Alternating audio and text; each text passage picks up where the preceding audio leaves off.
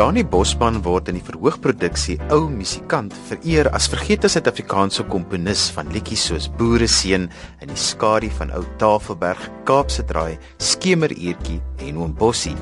In sy lewe het hy nooit enige erkenning gekry vir sy uitsonderlike talent as komponis en skrywer nie.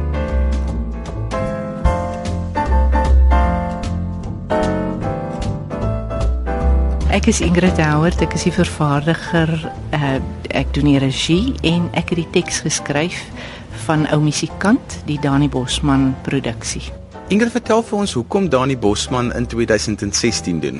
'n Ongelooflike musikant, 'n ongelooflike komponis wat in sy tyd baanbrekerswerk gedoen het. Ek bedoel, ehm um, daar was regtig nie oordentlike oorspronklike Afrikaanse musiek nie. Ons het vreeslike klomp Europese musiek vertaal en gemaak asof dit Afrikaanse musiek is, maar ja, hy het geskryf as gevolg van die feit dat daar ongelooflike gaping was en 'n behoefte vir Afrikaanse musiek. Kyk hoe maak die kerel daar 'n kapse draai, kapse draai, kapse draai. Kyk hoe ry die kerels daar die stof so vaai, stof so vaai. Hi, hi. Ek is Hanno Smit, ek is die uh, ek is gitaarspeler in die in die show en ek het ook die saam met Sean Johannes die verwerkings gedoen.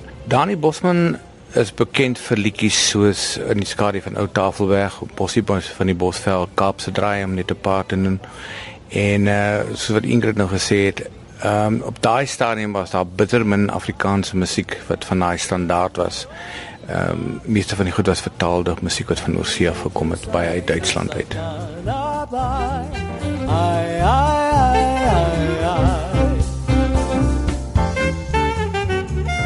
Ek is mal oor geskiedenis, maar Danny Bosman is hierdie wonderlike figuur dat as mense soos Nico Karstens oor hom praat dan smelt hy en hy word week want dit is net hierdie absolute ikoon. Hy het hom eenmal ontmoet en hy sê dis die ehm um, komponis van Suid-Afrika wat seker die grootste komponis wat Suid-Afrika ooit sal ken. Soos Nico Karsens dit sê, maar dan begin 'n mens grawe en jy kry niks van hom nie. Nou hoe is dit moontlik dat almal met soveel respek van hom praat, maar daar is niks nie. Ons gegrawe in argiewe. Ehm um, boeke, het een of twee sinnetjies oor hom. Hy's baie te vroeg dood. Uh dit kan dalkies ook wees. Daar was nie iets soos tantieme in daai jare nie. So Samro het nie bestaan nie. Hy het 'n paar pennies per komposisie gekry en mense soos Hendrik Susan het dit gebruik uh, vir sy toere. Hendrik Susan was hierdie ek weet nie die jonger luisteraars sal seker nie weet nie, maar Hendrik Susan was hierdie ongelooflike orkesleier, vioolspeler en hy het musiek gesoek en hy het by Dani Bosman gekry kon geen publishers uh, uitgewers kry daai tyd nie. Dit was oorlogsjare ook was arm.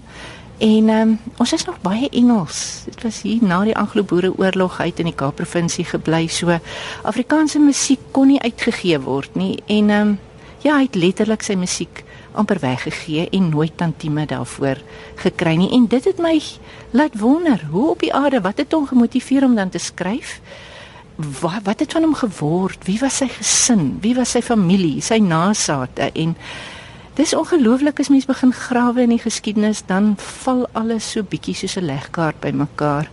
Ons het die produksie gedoen met die bietjie inligting. Ek het ek het tot vir Frans Marx wat in die film gespeel het, Dani Bosman gevra en hy kon nie eintlik vir my inligting gee nie. Hy's mos nou 'n akteur. Hy sê hy weet die familie was ongelukkig want die feite was nie alles heeltemal korrek nie. So ek het my toe gefokus daarop dat ons die feite korrek kry en uh, ek dink Dani Bosman verdien om aan vir 'n jonger geslag gewys te word.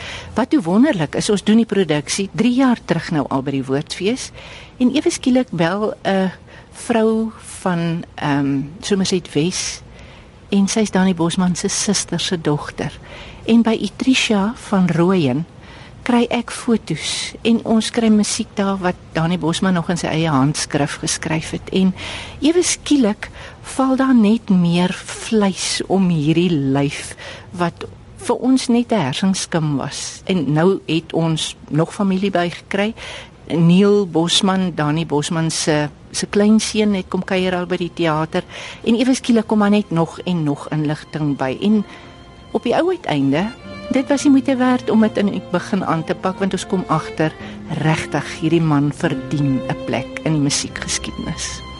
Hier in 'n vreemde land, so ver van my vaderland, van huis en van vriendskapspad.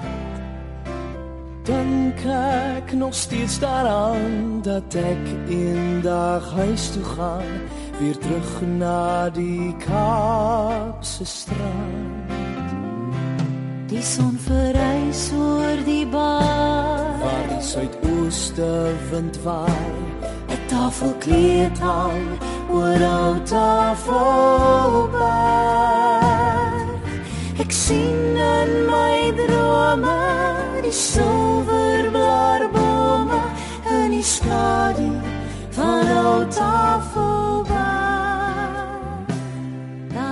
Ek is Andre Terblanche en ek speel die rol van Dani Bosman in Ou Musikant. Natuurlik is ek die jonger generasie waarvan Ingrid gepraat het wat nou bekend gestel is aan Dani Bosman wat ons ken as die eerste ligte musiekkomponis in in Afrikaans. En dit was nie eers 'n uitdaging geweest nie want die musiek het nie autentiek voorgekom nie. Dit was wel deurgekomponeerde werke geweest, maar daar was 'n ligte kwaliteit aan beide die liriek en die musiek wat dit baie toeganklik gemaak het vir selfs 'n jonger generasie. En ek en Marley Katske wat ehm um, sy vrou Dorothy speel in die in die produksie, het dadelik aanklank gevind in die musiek en die die lyne waarin die melodie geskryf is, help ook met die teks. Want deesdae sukkel ons soms in ligte musiek om lirieke in slegs 3 akkoorde in te pas en eenvoudige progressies, maar daai tyd was musiek nog so gekomponeer dat die liriek staan sentraal en die musiek word daar volgens gekomponeer afhangende van hoe om hy gekomponeer het. En ehm um, ou musikant die formaat wat ons aangeneem het in die produksie is 'n musiekdrama.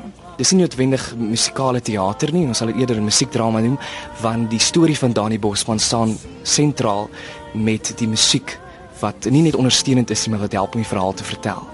En ons het dit die eerste keer gedoen in die Endler saal wat bietjie van 'n uitdaging was binne 'n klassieke konsertsaal, maar die tegniese span het dit baie goed laat werk en 'n baie toeganklike produksie. Die die geskiedenis verveel nooit nie. Ek dink die karakters is redelik volle karakters en die musiek is so ongelooflik mooi dat beide oud en jonk sal aanklank vind daarbey. Ek hoop om vir altyd te bly sonder afskeid in die skadu van ou tafelberg.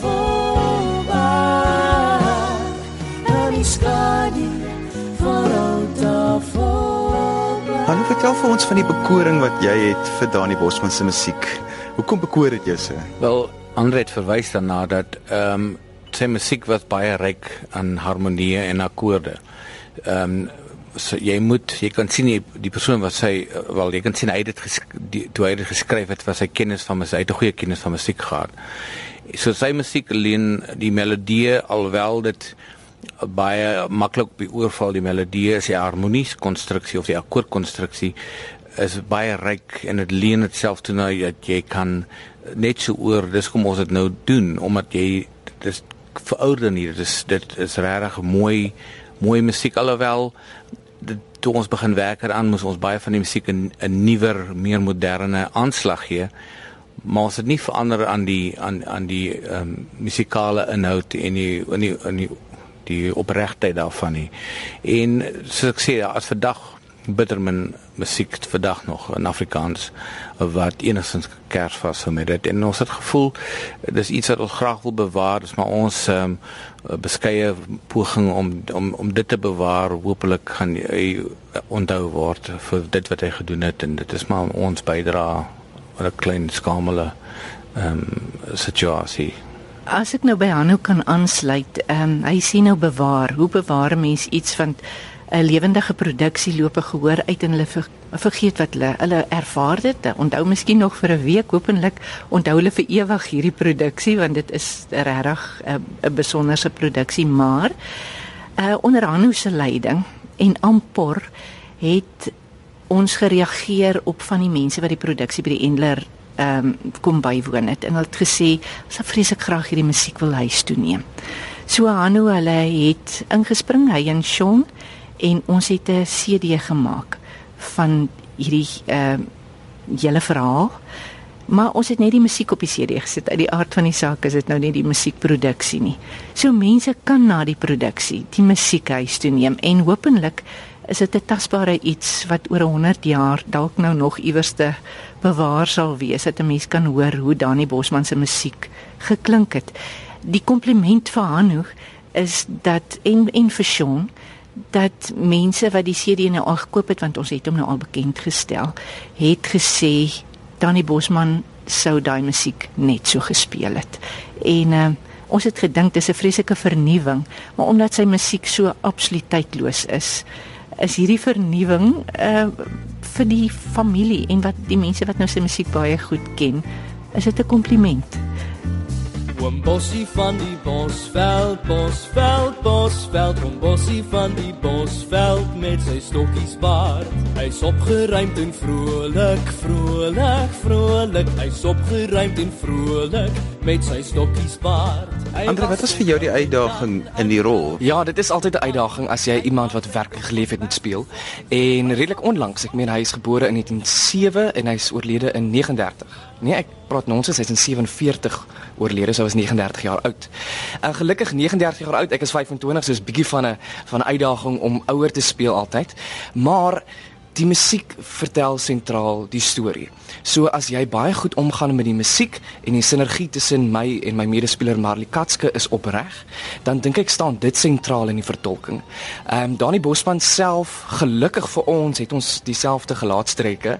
So daar is 'n visuele ooreenstemming tussen die twee van ons en Ek is 'n bietjie meer van 'n ekstrovert en Dani was definitief meer van 'n introvert gewees, 'n uh, persoon wat meer luister as wat hy praat. En ek dink sy stem het in sy musiek deurgekom eerder as in sy persoonlikheid, wat altyd 'n uitdaging is om te speel want jy moet altyd groter speel op die verhoog natuurlik.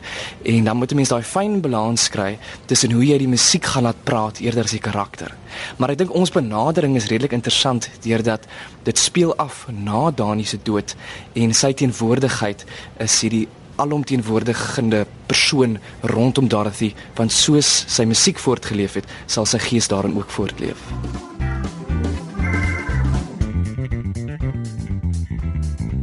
Iets waarmee ons wel ehm uh, gesukkel kop nie gekrap het was die feit dat met die vernuwing van die musiek, daai jare was al die musiek geskryf in 'n 3-4 tyd. Walse met ander woorde. En eh, 90% van die liedjies is almal in 'n 3-4 tyd geskryf. En ons wou dit in 'n moderne idioom bietjie meer verander, miskien meer toeganklik maak vir jonger mense. En om toe daai te verander na 'n 4-4 tyd of selfs 'n 6-4 tyd uh, wat nie 'n wals is nie uh, was nogal 'n uitdaging en uh, moes ons mooi kop krap sonder om afbreek te doen aan die oorspronklike musiek om dit te laat inpas in 'n moderne idioom. Daar's 'n vol orkes met 'n viool en 'n saksofoon en Sean is op klavier en daar's bas en Hanu speel gitaar. So finansiëel krimp die orkeste mos ons meeste mense het gewoond geraak aan backtrack. So dis is regtig 'n volronde produksie met fantastiese akteurs Marley en Andrei en dan hierdie wonderlike aanskoulike orkes wat met die uh, musiekverwerkings ongelooflik die produksie ondersteun.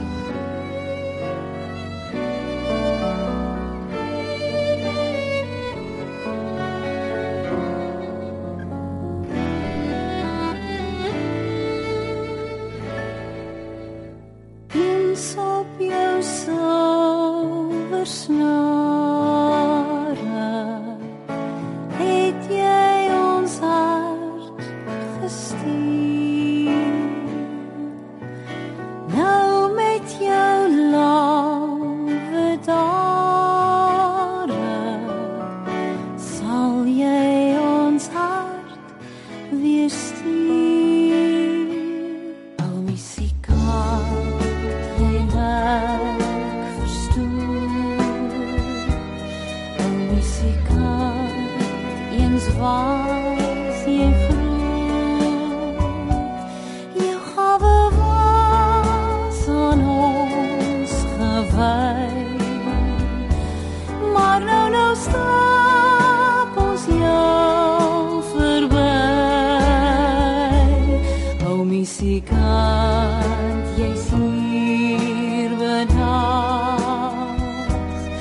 O musikant, waar slaap jy snags?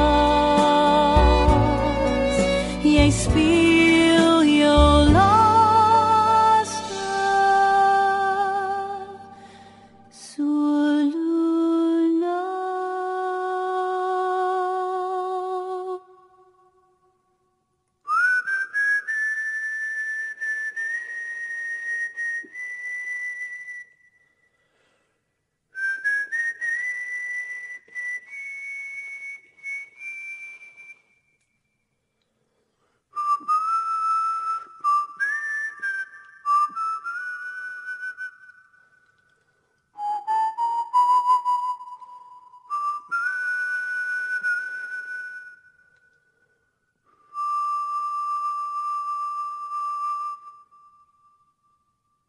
musikant, jy lyk verstoor.